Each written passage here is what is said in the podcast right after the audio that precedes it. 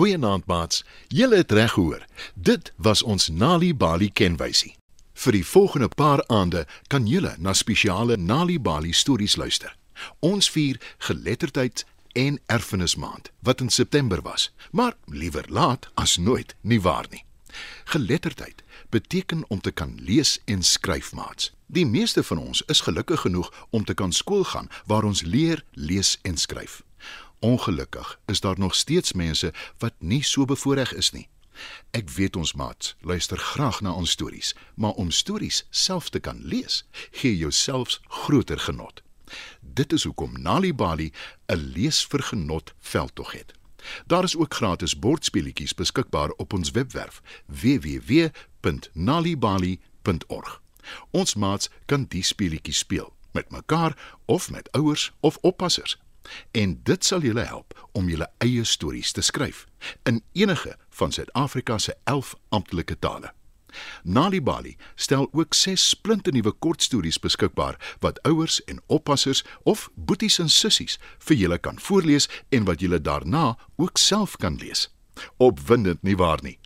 Kom ons val sommer dadelik weg met ons eerste storie. Ouma kyk rugby deur Jaco Jacobs. Roswin en Renier is mal oor rugby. Die Springbokke speel die naweek in die stad. Roswin en Renier wil dolgraag gaan kyk. Daar is nog kaartjies te koop, maar Roswin se pa moet weggaan vir werk, Jammer, Roswin. sê mamma. Jou baba sussie is nog te klein. Ons kan haar nie wedstryd toe vat nie. Renier se ouers kan ook nie gaan nie. Hulle is na 'n troue toe uitgenooi. Roswin sug, Ons sal maar die wedstryd op TV moet kyk. sê hy. Roswin en Renier se gunsteling speler is Temba Matiso. Hulle wou hom graag in lewende lywe sien, Ek sal julle vat. sê ouma. Roswin frons. Rugby kyk saam met ouma. Dis nie baie cool nie. Maar Renier sê, Regtig tannie, dankie. uiteindelik is dit Saterdag. Ouma parkeer by die stadion. Die stadion is groot. Daar's baie mense. Roswin, Renier en ouma kry hulle sitplekke. Ouma het biltong en droë wors saamgebring. Die wedstryd begin. Mooi duikslag. Roep ouma opgewonde. Sjoe, die bokke se nuwe losskakel is blitsig. Roswin kyk verbaas na Renier. Hy het nie geweet ouma weet soveel van rugby af nie. En toe is die wedstryd verby. Almal juig. Die bokke het gewen, Ek het vir julle 'n verrassing. Kom saam. sê ouma. Roswin en Renier stap agter haar aan. Waarheen is ouma op pad, wonder hulle. Sy gaan staan voor 'n deur en sy klop. Die deur gaan oop. Ek wil julle aan iemand voorstel. sê ouma. Roswin se mond val oop, Dis dis Temba Motishu. sê hy. Hallo julle. Rosman en Renier, né? Uh, Rosman, jou ouma het my vertel jy's mal oor rugby. sê Temba. Hy skud die seun se hande. Maar maar hoe? Stotter Roswin. Ouma lag en sê: Ek was mos vroeër jare 'n onderwyser. Temba was in graad 1 in my klas. Hy het my dadelik onthou toe ek hom gekontak het. "Toe lag Temba ook en sê: Rosman, jy het 'n cool ouma. Roswin glimlag en sê: Beslis. "Dit was Ouma kyk rugby deur Jaco Jacobs." Ons volgende storie is Lerato se danskonsert deur Moses Gladla. Lerato stap in die kombuis in. Sy dra haar seperi uitrusting met trots. Dis vir haar danskonsert. 'n Geel en pink tradisionele rok, 'n pink kopdoek, wit handskoene, 'n veelkleurige halsnoer en wit skoene. 'n Week gelede het haar graad 3 juffrou 'n brief huis toe gestuur vir Lerato se ouers. Geagte ouers, hiermee deel die skool u graag mee dat Lerato gekies is om die hoofrol te vertolk in 'n tradisionele dansgroep in ons konsert volgende Vrydag.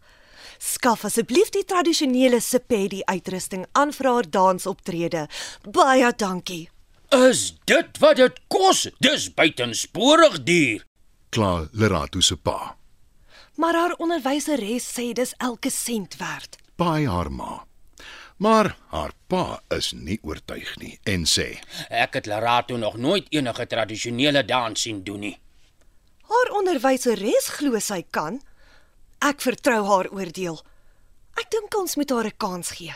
antwoord haar ma. Ek sal pappa verras. Dit beloof ek. Sê Lerato skaam.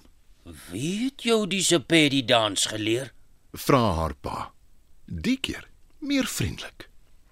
Ek het dit die heel eerste keer op TV gesien.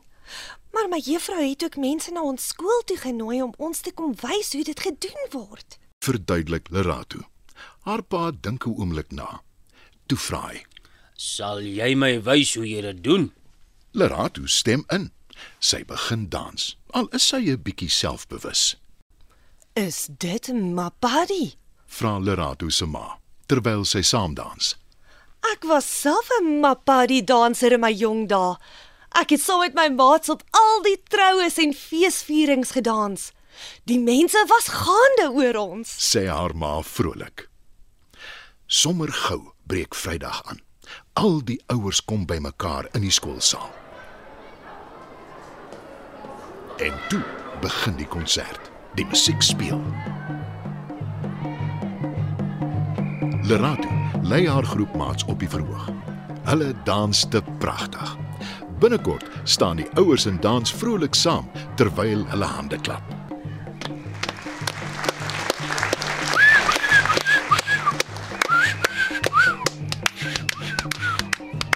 Selfs Lerato se pa dans saam en begin sommer ook fluit. Hy is baie gelukkig en baie trots. Aan die einde van die konsert is daar groot applous.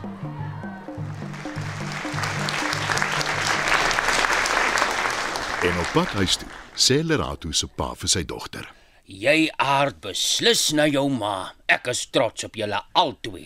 Lerato gaap en bedank haar pa. Toe raak sy in die kar aan die slaap. Die konsert was wonderlik, maar ook baie uitputtend.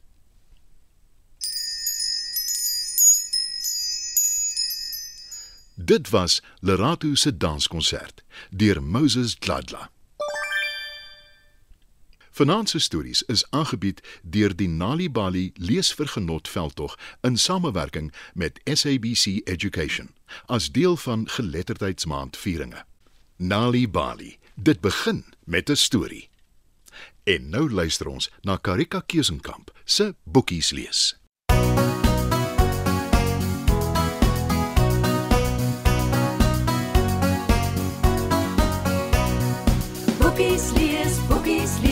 Is mos groot vet pret. Op die mat, in die bad, snusig in die bed. Boekies lees, boekies lees, doen dit elke dag. Lê op jou rug, lees in die lug met kussings lekker sag.